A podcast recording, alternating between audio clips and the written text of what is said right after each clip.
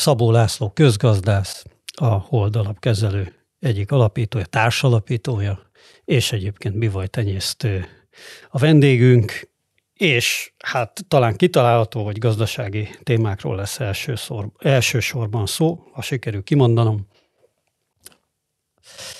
Hát meglehetősen turbulens gazdasági körülmények között navigál most az ország, a kormány pedig ugye újabb és újabb ötletekkel próbál pénzt szerezni az eléggé legatyásodott költségvetésben.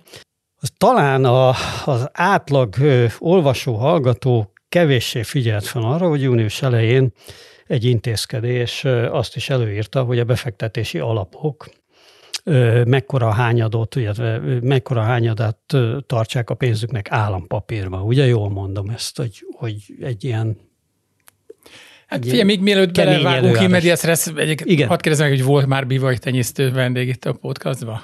Nem, de a bivajokra a vége felé akart. Jó, kitérni. tehát akkor én vagyok az első, hát akkor ezt, ezt akkor köszönöm jó, a bivaj tenyésztők nevében. Jó. Hát igen, igen, folyik, folyik, folyik az élet.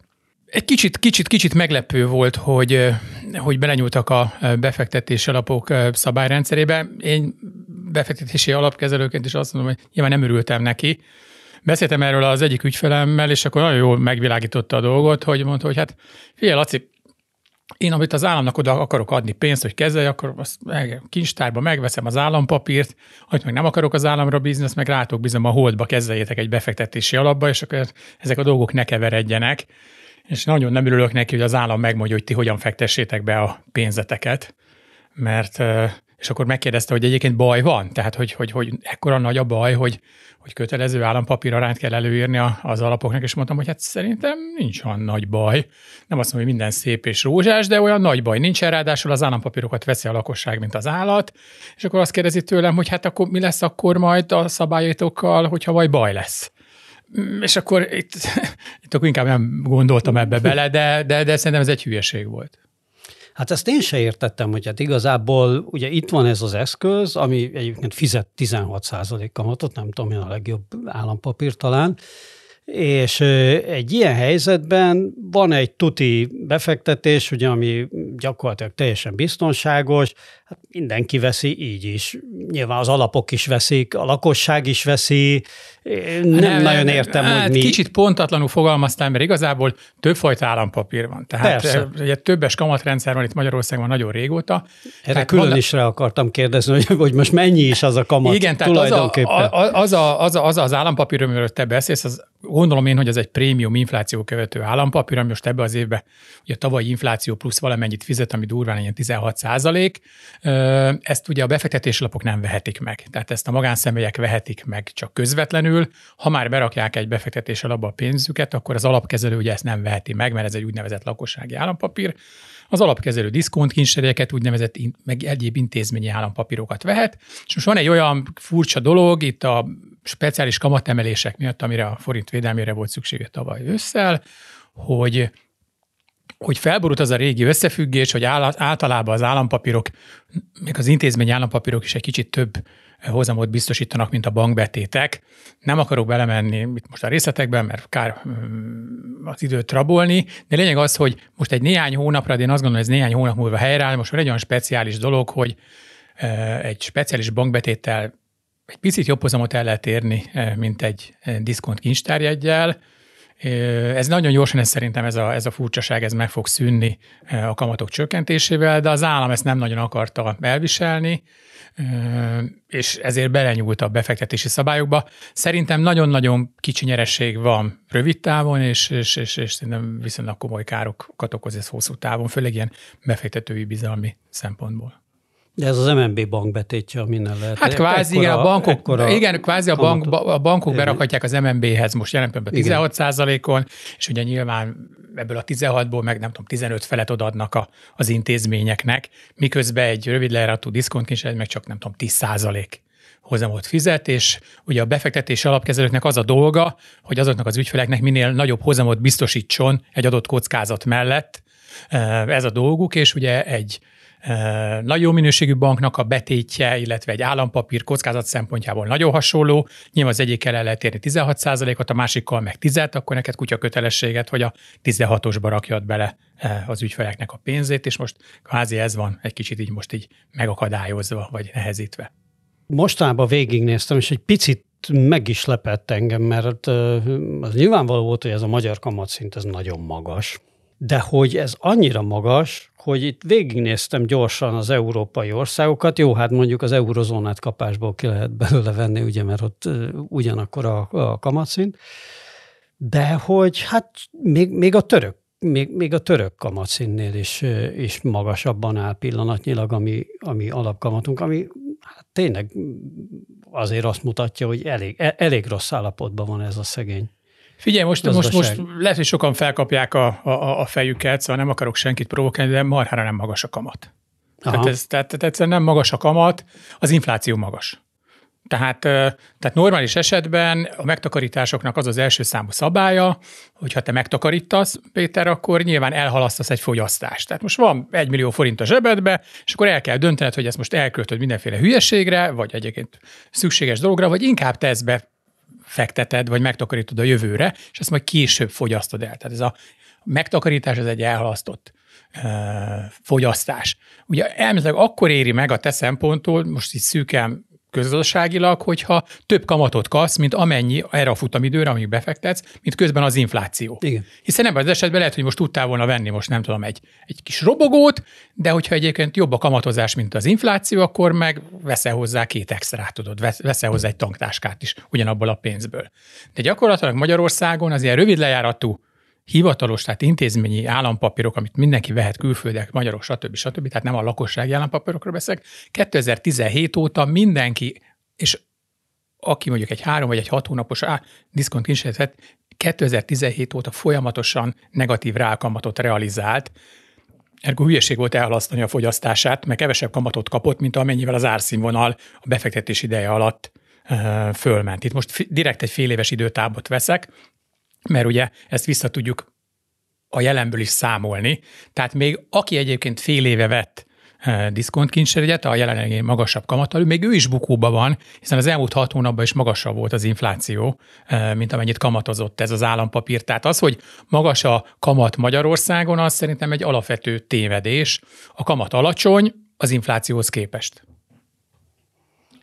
Igen, de akkor, akkor meg végképp nincs semmi értelme, mert hát a magas kamatnak kellene valahogy levinni az inflációt, tehát például ö, ö, valahogy mégiscsak visszafogni a fogyasztást, miközben ez a helyzet, tehát hogy én kevesebbet kapok a megtakarításomért, mint hogyha azt rögtön elkölteni, vagy hát Értem, értem, mire gondolsz. Á, tehát most az ez, a furcsa helyzet mindig van. a fogyasztást pörgeti az a, az a, tehát egyébként csökkent, tehát paradox módon ez Csökken a negatív a reálkamat, tehát igen. hiába negatív a reálkamat, tehát igen. hiába kevesebb betéti kamatot vagy állampapír kamatot kapsz, mint az infláció. Ez most egyébként a következő hónapokban véletlenül meg fog változni, de akkor is, mivel hozzászokott a lakosság a, ezek a nulla közeli kamathoz, meg az, állam, meg, a, meg az intézmények is, meg a vállalatok is, ugyan hosszú évekig nulla közeli kamatszint volt, hogy ez a 14-15-16 tök mindegy, tehát ez a nagyon magas kamatszint, ez, ez egyébként sokkol mindenkit. Tehát hiába negatív a reálkamat, hiába nem éri meg takarékoskodni, hiszen, vagy nem érte meg még akár 6 hónappal ezelőtt is, mert az árszínvonal többet nőtt, mint amennyi betét. Ez akkor is olyan nagy szám a régi alacsony számokhoz képest, hogy ez mindenkit annyira ledöbbent, hogy, hogy, hogy, hogy, hogy egyébként eh, belátja, vagy ellátja a funkcióját ez a, ez a kamat, ez a magas-alacsony kamat, mert tényleg egyébként fékezi a gazdaságot, illetve a forintot erősen tartja. Tehát egy csomó külföldi befektető, aki nem magyarországi beruházásokba gondolkodik, azt mondja, hm, kapok ilyen évi 16% ot a forintomra, miközben otthon egy euróra kapok 3,5-öt, azt mondja, hogy a különbséget megpróbálom megkeresni, hát ha nem gyengül annyit a forint, mint amennyi a kamat különbözet. És ez egy érdekes játék, és hát látjuk, hogy amióta tavaly ősszel megemelte az MNB a kamatot, azóta ugye drasztikusan emelkedett a, a, a forint árfolyama, visszaerősödött. Mm, első, tehát rövid távon a devizáknak az erejét mindig a kamat, ami mozgatja és meg kellett védeni a forintot. Ugye van egy saját, deviza, egy saját devizánk, nem csatlakoztunk az eurózónához, ez különös felelősséget ró a magyar gazdaságpolitikára, és hogyha már így egy, ez, ez, ez is nem sikerült, és elgyengült a forint, akkor pedig nyilván vissza kell hozni egy normális szintre, mert olyan mértékű bizalomvesztést jelent a deviza leértékelődése, ami, ami nagy károkat okoz a gazdaságba. Bocs, ugye hosszan válaszoltam. Nem, nem volt ez hosszú. Annál is inkább, mert rá is akartam kérdezni. Tehát szerintem kicsit a kamat erre... nem magas, szerinted meg a válasz nem hosszú. Igen, Na jó, hát igen, igen, igen. Sőt, de mondja már szóba hozta a forint árfolyamot, akkor azt arra rá akartam kérdezni, hogy ez egy érdekes fordulat, hogy most olvastam, hogy a Holdnak a, a, az elemzői is, akik ugye rendszeresen publikálják a különböző gondolataikat a saját felületeken, felületeteken, ezt sem tudom kimondani, azok és egy ilyen érdekes fordulattal most, vagy hát legalábbis laikus megfigyelő számára érdekes fordulattal, hirtelen úgy értékelték a helyzetet, hogy igazából a forint túl erős ebben a pillanatban, és talán le kéne értékelni. Miközben ugye itt az volt korábban a diagnózis a kormány gazdaságpolitikájára, hogy itt több mint tíz éven keresztül, vagy hát nem egész tíz, attól függ, honnan számoljuk ezt a, ezt a ciklust, 14-től vagy korábbról, hogy nagyon hosszú időn keresztül egy nagyon kellemes finanszi, külső finanszírozási környezetbe, egy, nagyon, egy dinamikusan növekvő gazdaságban a kormány hát szándékosan gyengítette folyamatosan a forintot, és ment lefelé, és ugye most pedig az, a, az, az volt több elemzőnek is a, a megállapítása, hogy hát ebben a helyzetben, amiben most vagyunk, egy gyengébb forint árfolyam talán jobban segíteni a gazdaságon. Hát ez fontos előre bocsátani, hogy nincs alapkezelői közizlés, vagy konszenzus. alapkezelői konszenzus. Szerintem ez a Igen. Zsoltnak a, a, a, ja, a gondolataira. Igen, igen, igen, azért a Zsolt, ami provokatőrünk, tehát azért ezt, Aha. ezt mindig azért ezt fontos ö, ö, tudni. Én a Zsoltal szemben nem, tehát nyilván rövid távon bizonyos exportőrnek lehet, hogy ez problémát okoz, de pont amit te mondtál, látszik, hogy, hogy ez a kicsit leértékelődős gazdaságpolitika, ez nem vezet sehova.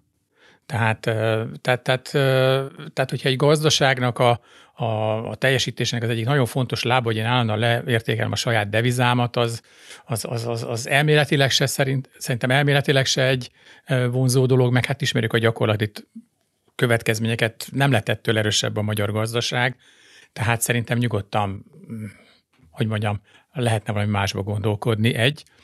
Kettő, rövid távon nagyon-nagyon nem, tehát olyan a magyar gazdaság szerkezet egy nagyon érdekes dolog, hogy hogyha például megnézed a, az elmúlt három hónapi fizetési méret, tehát mondjuk export-import ollót, akkor látod azt, hogy sokkal-sokkal fontosabb dolgok mozgatják a kereskedelmi mérlegünket, mint egyébként a még fizetési mérlegünket, mint, mint, mint mondjuk a rövid távú árfolyam változás. Tehát most, amikor nagyon megerősödött a forint, iszonyatosan bejavult a fizetési mérlegünk, vagy a kermérletünk, azért, mert egyébként lejöttek az energiaárak, meg egy kicsit a recesszió miatt csökken a fogyasztás. Tehát, hogy ez egy kicsit bonyolult dolog, ne tegyük magunkévá Zsoltnak a leegyszerűsített véleményét.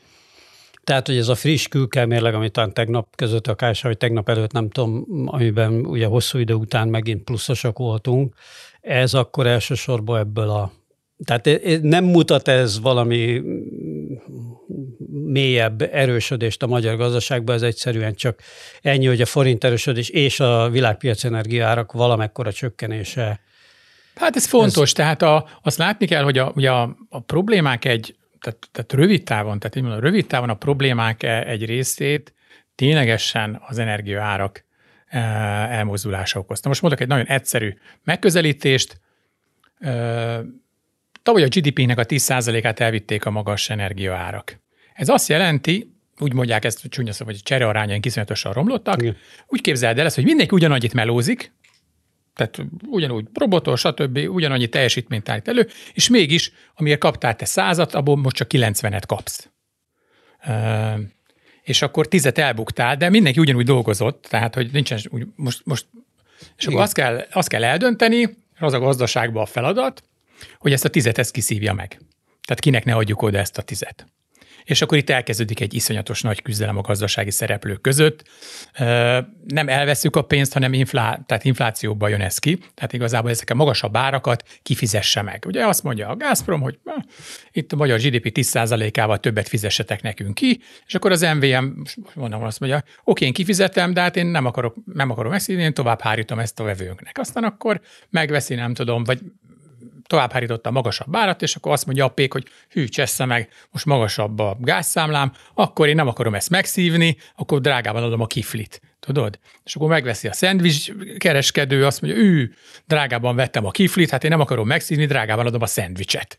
Érted? És akkor nyilván a a szándékok azok nagyon világosak, működik a kapitalizmus, és az a nagy kérdés, hogy végülis kinél marad a forró krumpli, ki nem tudja ráhárítani a vevőjére ezt a magasabb árszintet, mert ugye ő fog szívni, és ő fog bezárni, mert, mert, mert, mert nála csapódik ki a veszteség, de ez a 10% GDP ez, ez le kell, hogy csapódjon. Nyilván ebből egyetlen egy választási lehetőségünk van, hogy ezt, hogy mondjam, kifizetjük most, tehát megszívjuk most, vagy egyébként egy hitelfelvételekkel megpróbáljuk ezt porítani a jövőbe, de ezt, ezt a, ezt a 10%-os többletet ezt a magyar gazdaság szereplőinek kell kifizetni, és ezt a vergődést, amit láttunk az elmúlt egy évben, az végül szerintem ennek ez volt a fő oka. Aztán még millió más is, meg nyilván nem azt akarom mondani, hogy ezt balesetként értékelhetjük ezt a 10%-os energiatöbletet, mert azt mindenki tudta Magyarországon, hogy mi kiszolgáltatottak vagyunk energiafronton, nincsenek, nyersanyagaink, nincsen komolyabb energiaforrásunk, tehát nyilván én azt gondolom, hogy stratégia az lett volna a helyes, hogyha ezt a gyengeségünket, ezt próbáljuk ugye minél kisebbre összeszorítani, minél többet javulni ezen a fronton, de hát az élet már csak olyan, hogy amikor a legkiszolgáltatottabb vagy, akkor pont odaüt be a ménkű, és hát ez most sem történt másképpen. Igen, hát előtte tíz évig jó volt, mert ment lefelé a, az Igen, ár, és akkor elhittük, és hogy ez mindig jó lesz, Igen. és hát nem arra használtuk fel, hogy, hogy örüljünk annak, hogy most nem volt rossz, és elkezdjük ezeket a, ezeket a réseket bevarni, hanem, hanem, hanem, hanem reménykedtünk, hogy ez mindig így marad, de hát a remény az nem egy jó stratégia. Egyébként fantasztikus pillanata volt az elmúlt hetek magyar közéletének, amikor német Szilárd kiposztolta az Instagramjára, mert hát Instagram és Facebook posztokon élünk végsősoron, kiposztolt egy, egy chartot, hogy Európában, egyébként Budapesten a második legalacsonyabb a lakossági energiaár. És nagy büszke, hogy a rezsicsökkentés működik. Hát mondom, tényleg ehhez kell közgazdasági Nobel, hogy valaki összerakja, hogy a kurva 25%-os inflációban meg mi az úristen van vagy ami inkább 50 százalék mondjuk az élelmiszer. Mit fizetnek meg az 50 százalékos élelmiszerinflációban, hanem ezt a rezsicsökkentést. Na, csak hogy amit az előbb hát elmondtál, ne, azt körülbelül... Hadd ne kommentáljam. Az előbb elmondtál, azt próbálom lefordítani egy ilyen vulgáris Na, de ar- arra akarok utalni, hogy az energiahordozók árcsökkenés az, az valódi megkönnyebbülést jelent a magyar gazdaságnak. Tehát ez, ez, ez a legfontosabb. Tehát, tehát minden tényezőnél önmagában fontosabb. Más fontos dolog is van, de ez a legfontosabb rövid, rövid távon. Volt egy még egy nagy kiszolgáltatottsága, illetve van is a magyar gazdaságnak, ugye itt az autóipar felé, a jellemzően német autóipar felé, hogy az exportbevételünk nagy része azért online jön, és, és most ebben is látszik, hogy beindult egy, egy nagy pánik, és erre a, pániknak, erre a pánikra jelenleg az a, az a kormány válasza, hogy teljesen irracionálisnak tűnő mennyiségű akkumulátorgyárat akar építeni, amivel kapcsolatban hát megindult egy ilyen nagy vita a hazai közgazdászok között is, hogy van-e ennek értelme, nincs értelme, káros lesz ez hosszú távon, hasznos lesz hosszú távon vagy középtávon. Te is hozzászóltál ehhez az akugyár vitához korábban. Igen, nyilván egyébként komplex dologról van szó. Azért nem a exportunknak, hál' Isten, azért nem túlnyomó többségét adja ki a, a, az autóipar, de egyébként lényeges. Tehát mind GDP, mind export szempontjából igen, az autóipar lényeges. Magyarországon egyébként a motorgyártás különös hangsúlyt kapott, ugye, ha Győri Audira gondol, stb. stb. És tény az, hogy van egy technológiaváltás, tehát a, az autók motorja megváltozik. Tehát az új motor az aksi. Most Persze tudom, hogy fizikailag ez nem biztos, hogy helytálló, de lényegében az a dolog, ami meghajtja ezt a négy kereket, meg a kasznit, az eddig egy belső, belső égésű motor volt, most meg egy, egy ak- ak- akkumulátor. És nyilván, hogyha ez a pálfordulás, ez a technológiai változás nagyon gyorsan megy végbe, akkor a Magyarországon felépített hagyományos belsőgésű motorgyárak, azok, azok előbb-utóbb nyilván nehézségekkel fognak küzdeni. Tehát ez egyébként mind a motorgyártóknak, mint ugye a német autógyáraknak, mert ők vannak itt, mint egyébként a magyar gazdaságpolitikának egy kihívás, és erre látszólag egyébként egy jó megoldás is lehet, hogy hát eddig is motorgyárak voltunk, és akkor ezután is motorgyárak vagyunk, csak eddig belsőégésű volt, és most meg aksi gyár jön helyette. Ugyanakkor azért aksi gyártásban úgy látom, hogy azért nagyon erős koncentrációt próbálunk itt Európán belül mm, elérni. Ugye az aksi gyártással most legalábbis így távolról az a probléma, hogy úgy tűnik, hogy jobban igénybe veszi az erőforrásainkat, tehát a természeti erőforrásainkat, mint a belső égésű motor. Tehát itt alapvetően a vizellátásra gondolok, alapvetően egy energiaintenzív dolog, és hát ugye környezetvédelmi viták is vannak arról, hogy, hogy ezek mennyire káros technológiák. Durva dolgok történnek ott, hogy ezeket nyilván meg lehet csinálni így is, meg úgy is. Hát csak bízni lehet abba, hogy a, majd a Magyar Környezetvédelmi Hatóság majd érdembe fel fog lépni, és, és, és ezeket jó fogja ellenőrizni.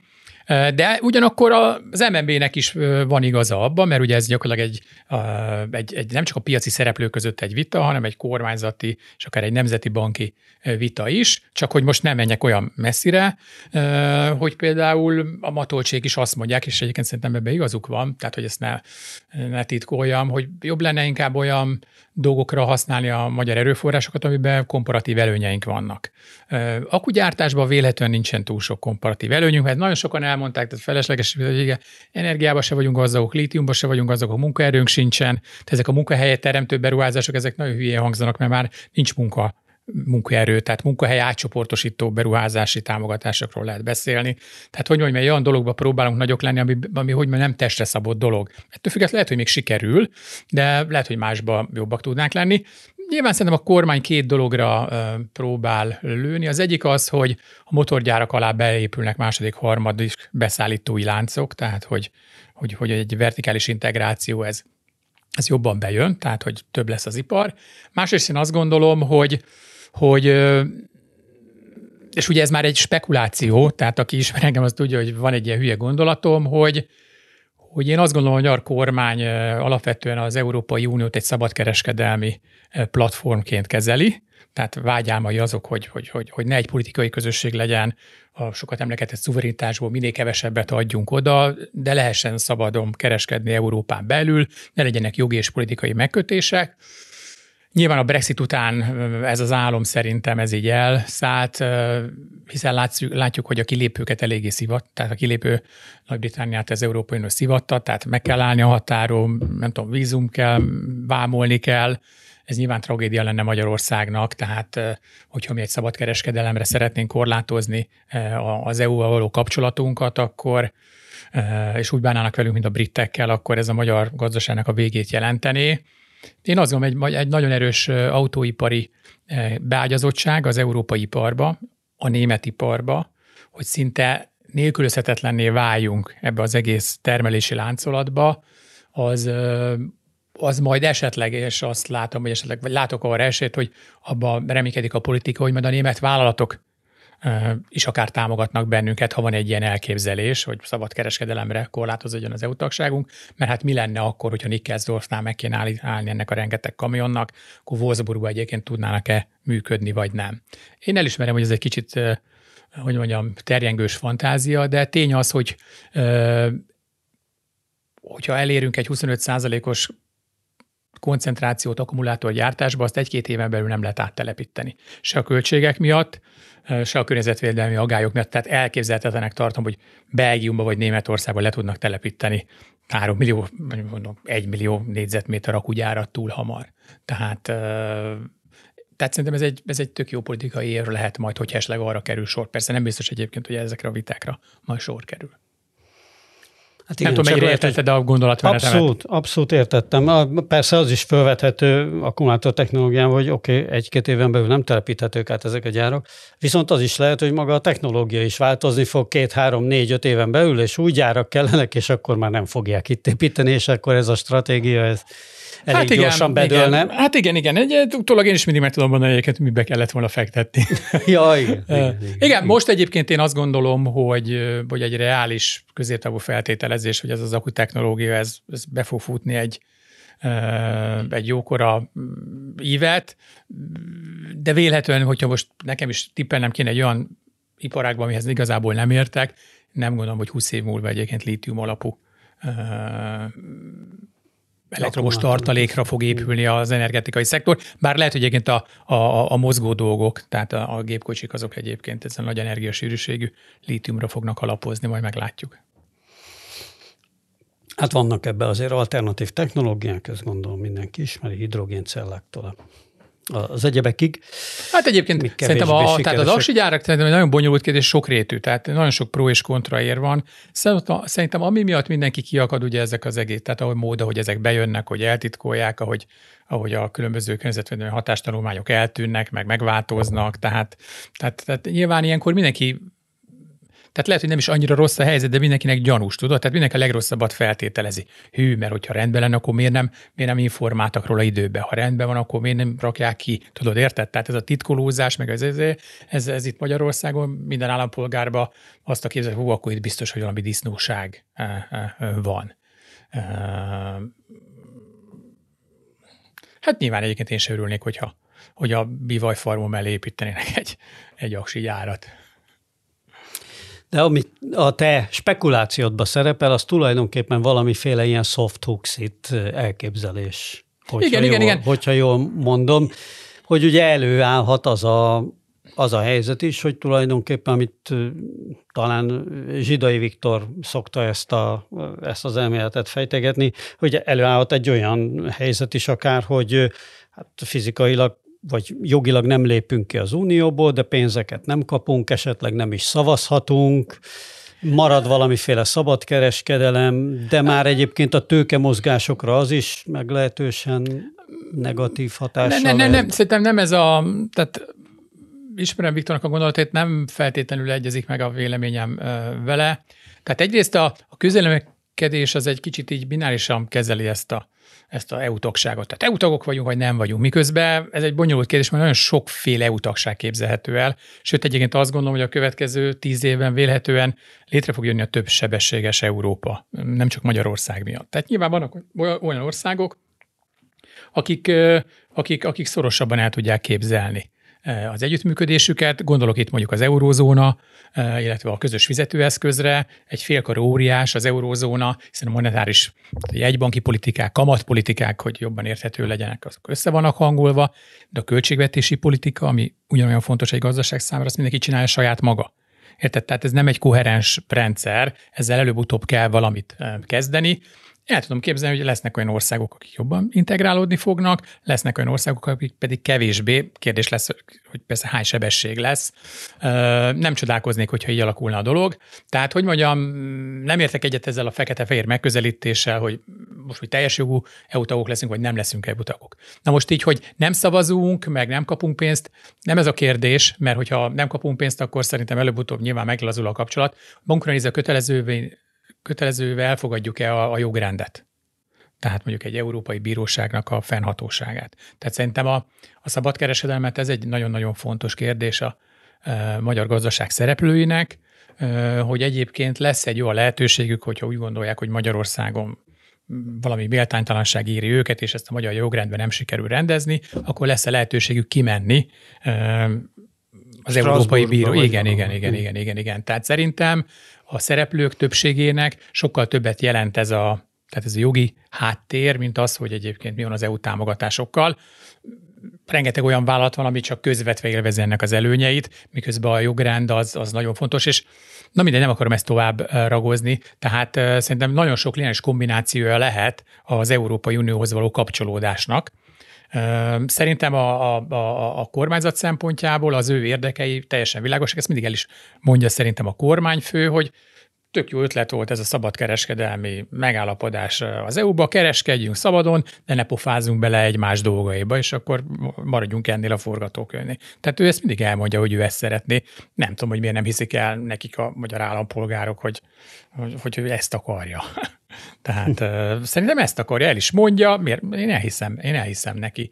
Nyilván, hogy nem fogja azon az áron, tehát szerintem azt, azt ő is tudja, hogy ha azon az áron lazulnak meg az európai kapcsolataink, hogy a, a, a magyar gazdaság nem tud beintegrálni, tehát meg kell állni a kamionoknak Nikkelsdorfnál, az egy olyan ár, ami, ami megfizethetetlen.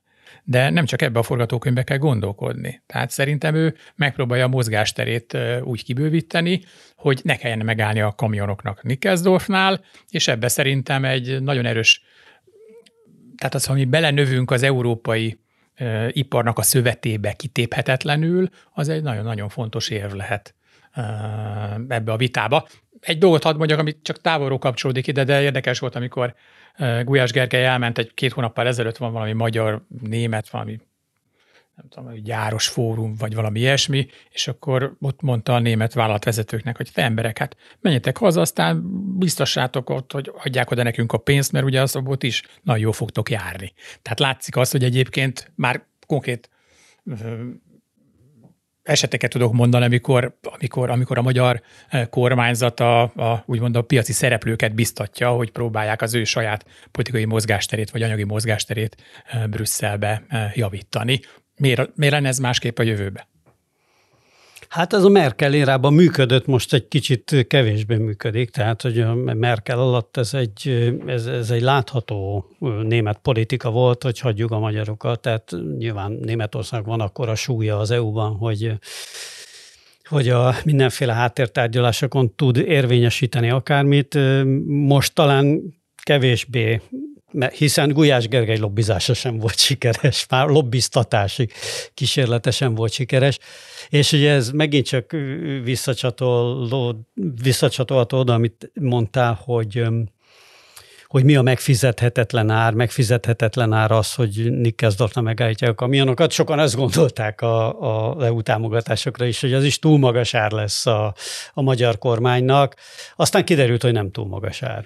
Hát nézd, azért ugye beszéltünk a magyar gazdaságnak így a vergődéséről most 2023-ban, ami nagyon sok tényezőre vezethető vissza, de nyilván nem lehet figyelmen kívül hagyni, hogy, hogy az EU forrásoknak a, a szüneteltetése az egyre több fronton fejti ki eh, a hatását.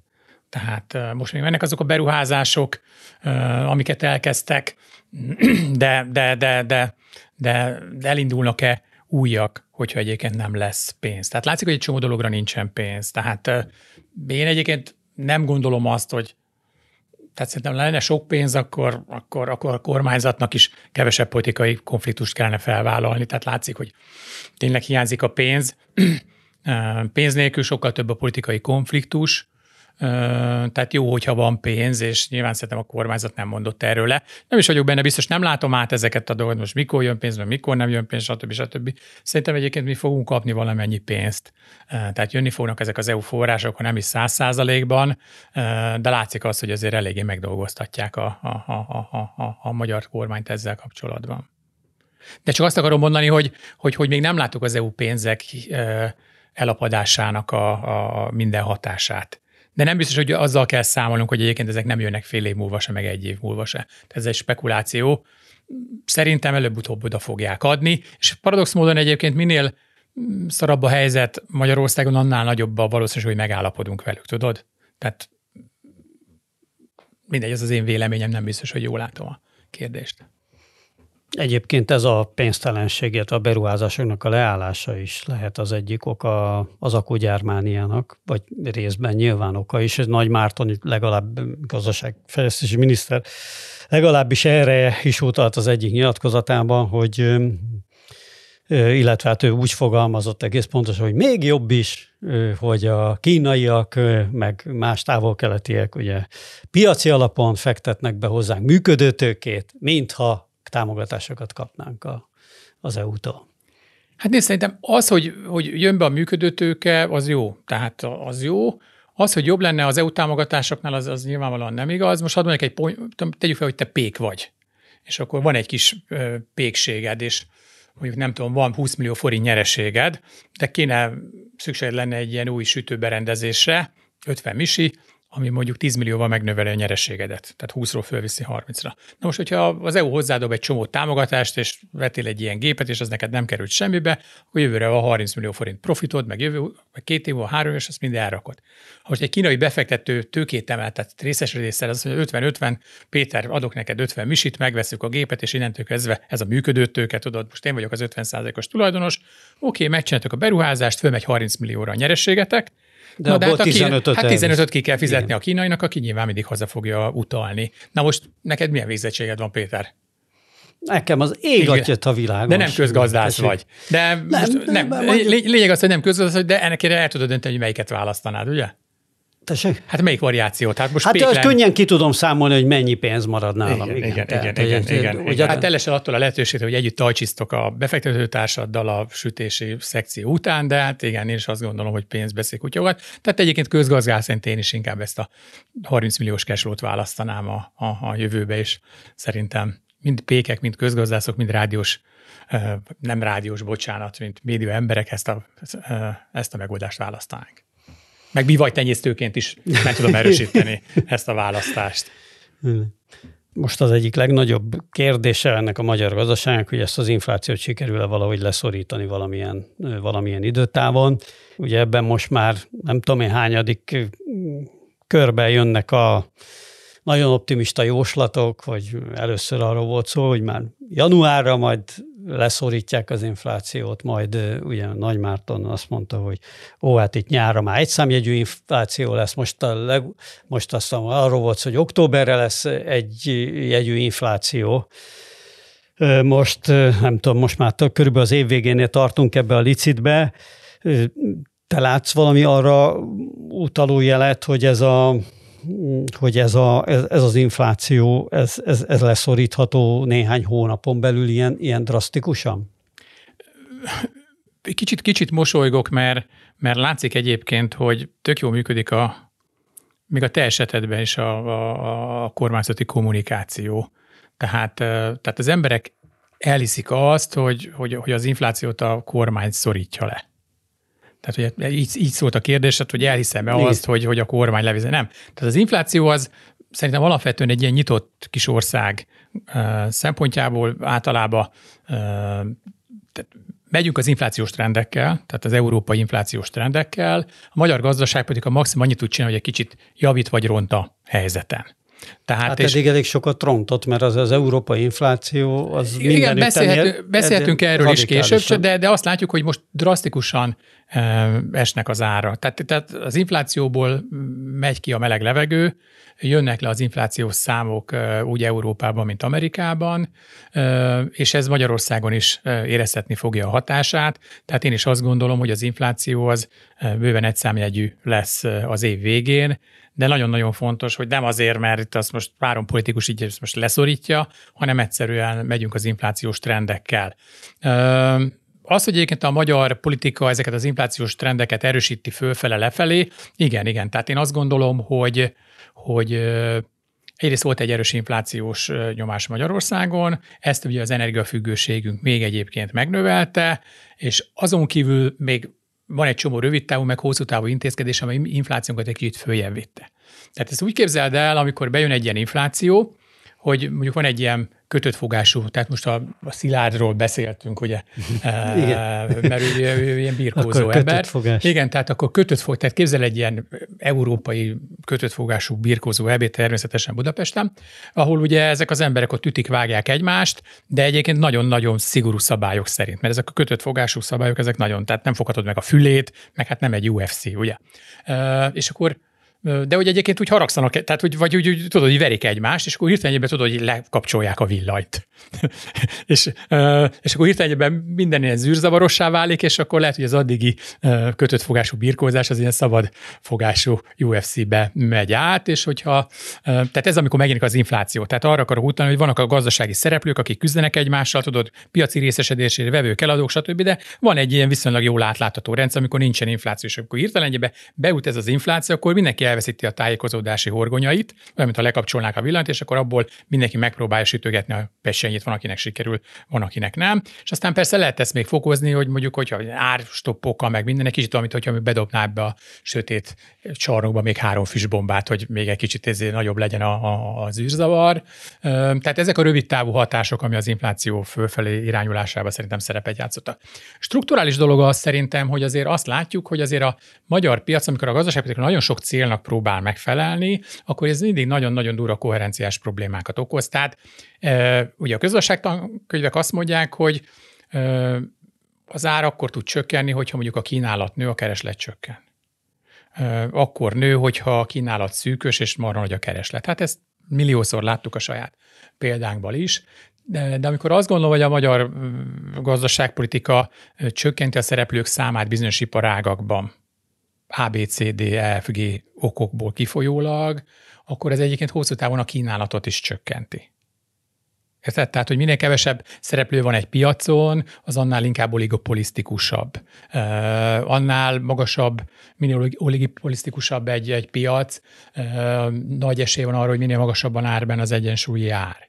És nyilván különböző szabályozással viszonyatosan nehezen akár lehet ezeket az oligopóliumokat eh, rendszabályozni, csak sokszor azt látjuk, hogy ha olyan oligopólium alakul ki a magyar gazdaságban, ami a kormány számára kedves, akkor azért nem annyira szigorú a szabályozás.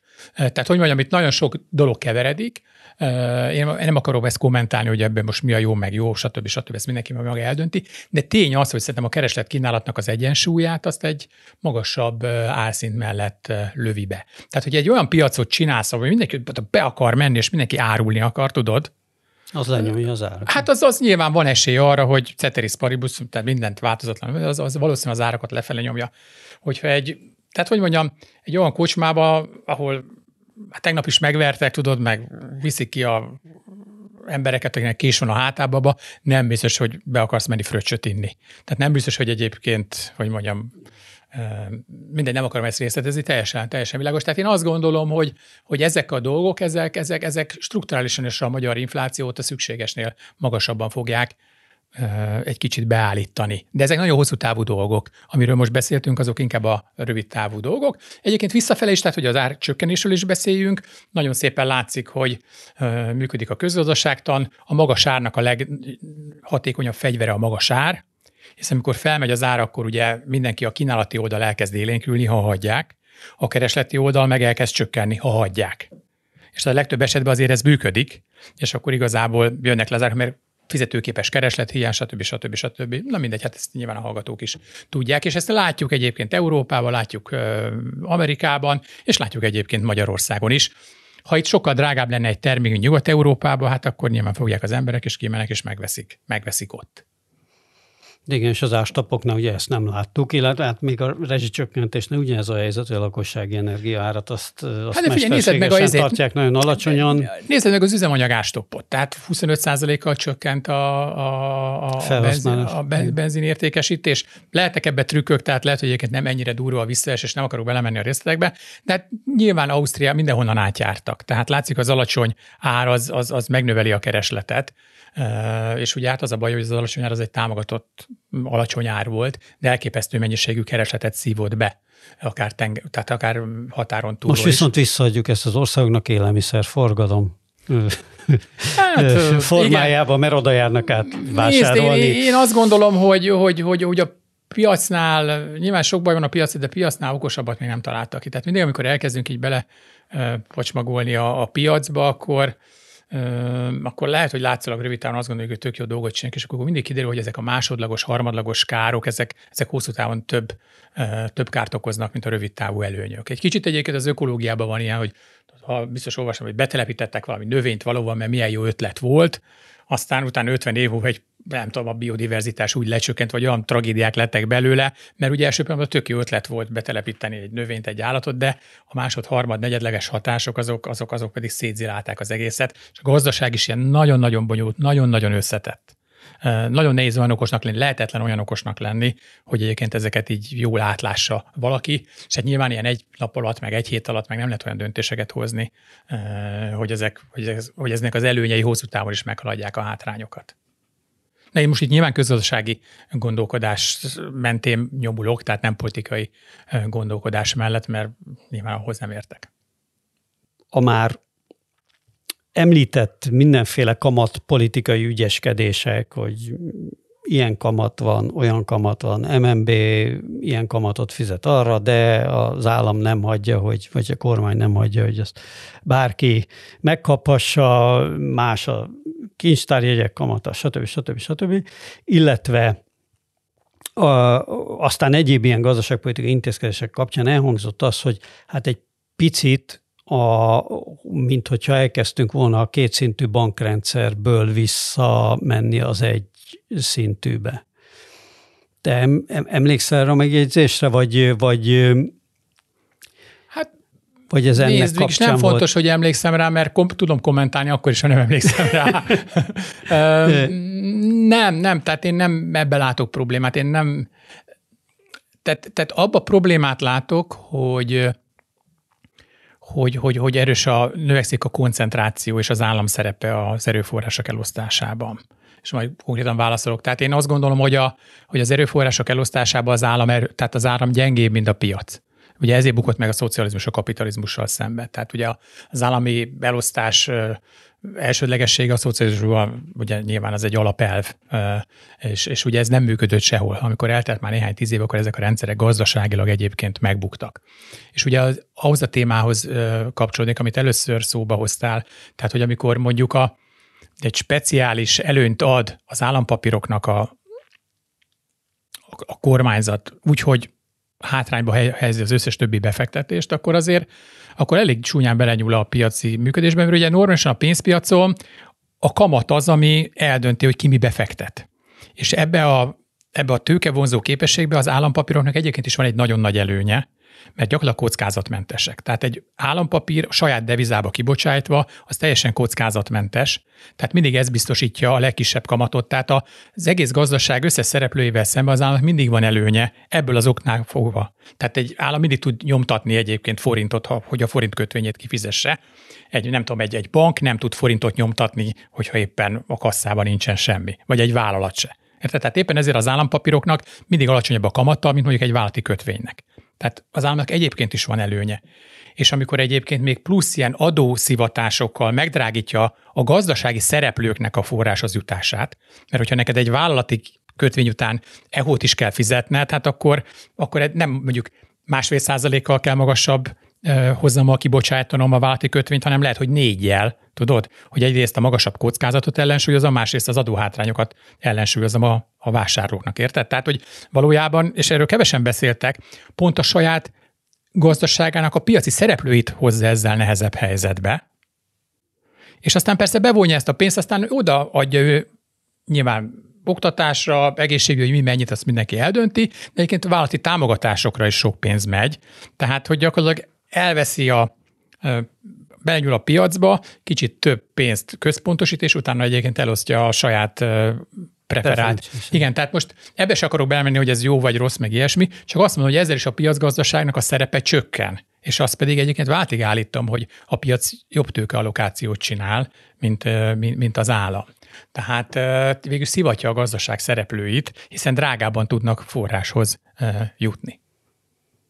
Nem tudom, mennyire volt értető a... Abszolút, a, abszolút. A, a, Miközben a, azért az az állítás, hogy, mert hogy ahogy mondtad, a, a, aztán ő oszt is pénzt a, a saját preferenciái szerint, de jobb lenne, nem mondjam, de, de erre mondom én azt. De most de nem, akkor, most hagyjuk ezt. Akkor most, jönnek büszkén, hogy Igen, hogy de most mennyivel. én nem arra akarok, mert nyilván az egy, az egy, az egy politikai beszélgetésnek a témája, hogy kinek meg hogyan. Tehát Igen, ezt most hagyjuk, persze. tehát én nem ezért vagyok itt. Azért vagyok itt, mert ugye akkor ezt a pénzt nem a piac osztja el, hanem az állam. És tegyük fel, hogy egy nagyon-nagyon, hogy mondjam, egy, egy, egy, egy, egy ideális államról, gondoljunk el egy ideális államot, ahol, ahol, ahol, ahol, ahol nincsenek másod harmadlagos szempontok egy ilyen új lesz, az is rosszabbul működik, mint a piac.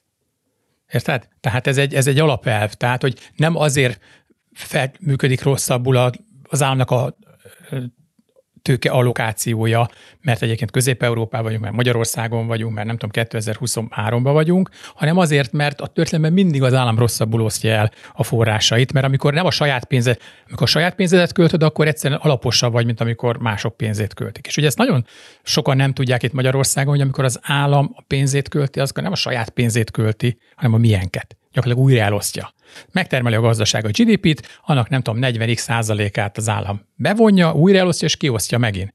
De ő nem a sajátját osztja el, mert neki nincsen, hanem azt osztja el, amit mi egyébként neki befizettünk.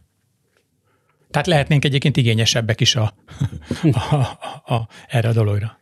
Lehetnénk, mert ugye azért arról is vannak elég, elég részletes kutatások, hogy, a, hogy valóban az állam minősége, tehát a közigazgatás minősége, felkészültsége, korruptsága, nem korruptsága, az azért nagyon szorosan összefügg a, ennek a tőkeelosztó képességnek persze, a minőségével. Persze, persze, tehát én nem akarom ezt tagadni, csak, csak, csak válaszuk ketté ezt a dolgot. Tehát a leges legjobban működő állam, ahol ezek az általad ismert jelenségek, vagy említett jelenségek ismeretlenek, azok se tud olyan jó tőkeallokációt csinálni, mint a piac, tudod? Tehát ez csak azért fontos, mert most nem tudom, tehát nagyon fontos az érveket, ezeket ketté választani. Tehát, tehát, tehát nem csak a korrupcióról van szó, a legkevésbé korrupt állam is rosszabb, mint a piac.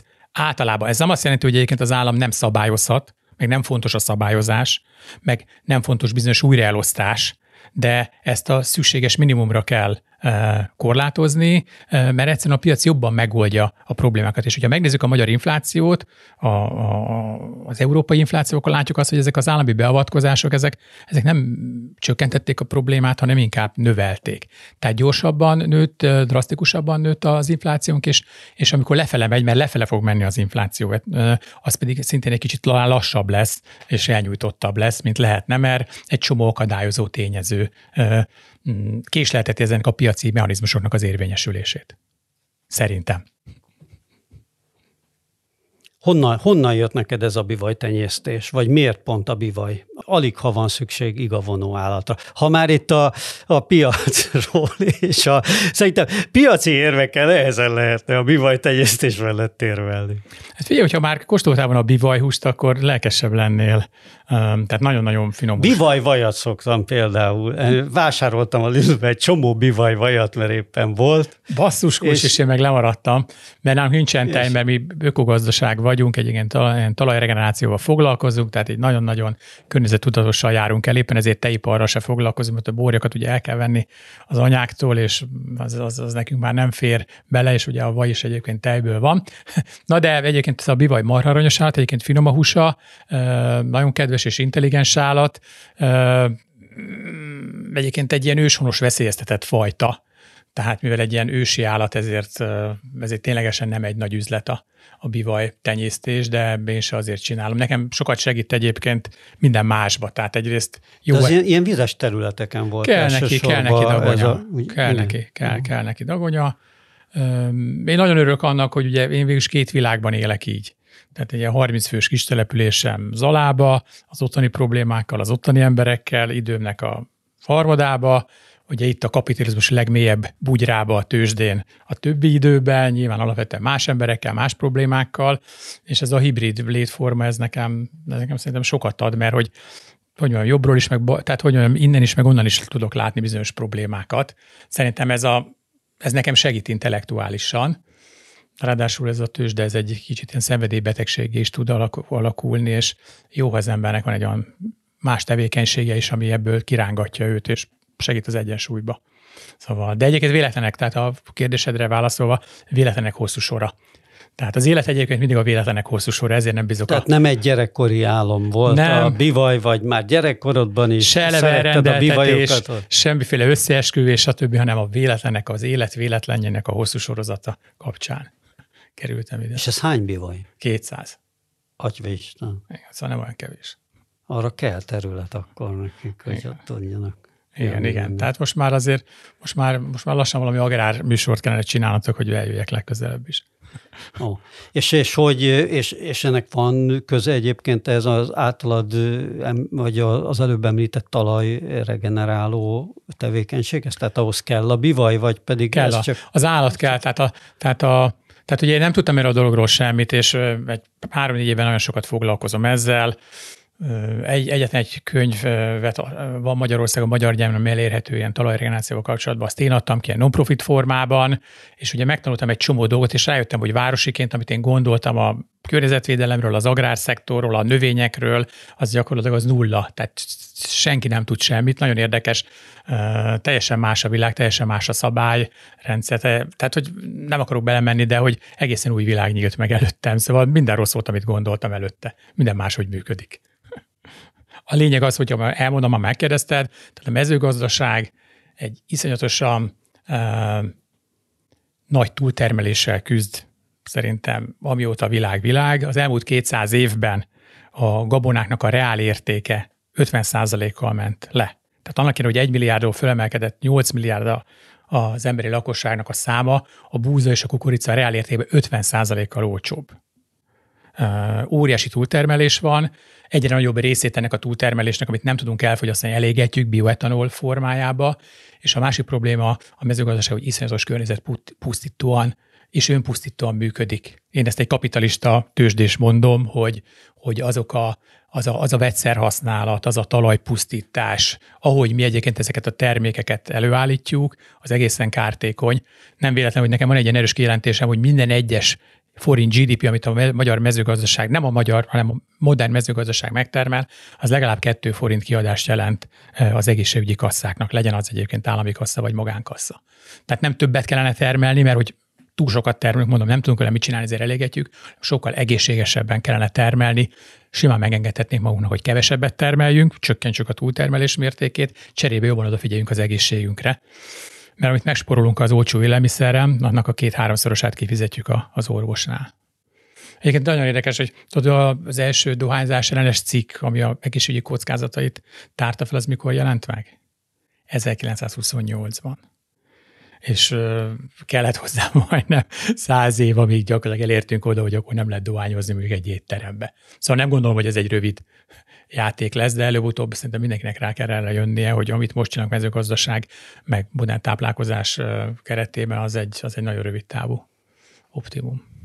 Szóval, hogy a gabonaféléknek ez az 50% os leértékelődését mondtad, de hogy hogy egyébként az ilyen trópusi gyümölcsöknél, meg, meg ilyeneknél szokott nekem föltönni az, hogy tényleg ilyen áron hogy az Úristenbe lehet ezt megtermelni? És hogy kerül oda? Hát Pár úgy, száz hogy... forintért a banán, Figyelj, és hát azt nem is látjuk még, hogy az olaj, olajok, meg az egyéb ilyen termékek olajpálmából, nem tudom én mikből, hogy abból, abból Figyelj, az exter, tehát ezt úgy hívja a közösség, hogy externál külső költség, tehát egy csomó olyan költség nem jelenik meg az árakban, amit egyébként, tehát most mondok egy példát, a 19. században iszonyatosan olcsó lehetett Londonba kénsavat csinálni.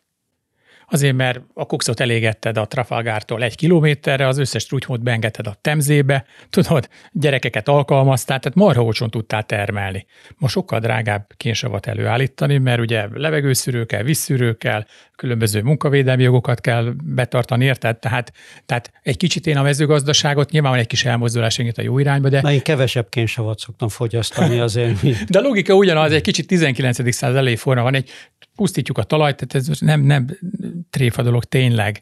Uh, iszonyú mennyiségű vegyszert használunk, aminek a következményét látjuk egyébként a különböző uh, emésztési, meg egyéb problémákkal, de ezek nem jelennek meg, mert mindig azt mondjuk, hogy az élelmiszer az egy stratégiai cikk, és, és akkor most, akkor most akkor nem fognak enni a gyerekek, tudod, hát most akkor most, most, most várjuk még ezeknek a költségeknek a megjelenítésével, miközben nem igaz, mert éppen óriási túltermelési válság van, nem tudunk mit csinálni. Most nem mondja nekem valaki azt, hogy Afrikában meghalnak éhen, mert ez egy elosztási probléma. Tehát nem azért halnak meg Afrikában, mert egyébként Nyugat-Európában, meg az USA-ban nem termelünk túl sokat, az egy elosztási probléma. Túltermelés van, és most hát tényleg nem tudunk mit csinálni a gabona egy részével. A kukorica legnagyobb vetésterületű növény Amerikában is, Magyarországon is, mind a két országban durván 50 megy ipari célokra, ennek nagy része bioetanol, ami kvázi elégetést jelent.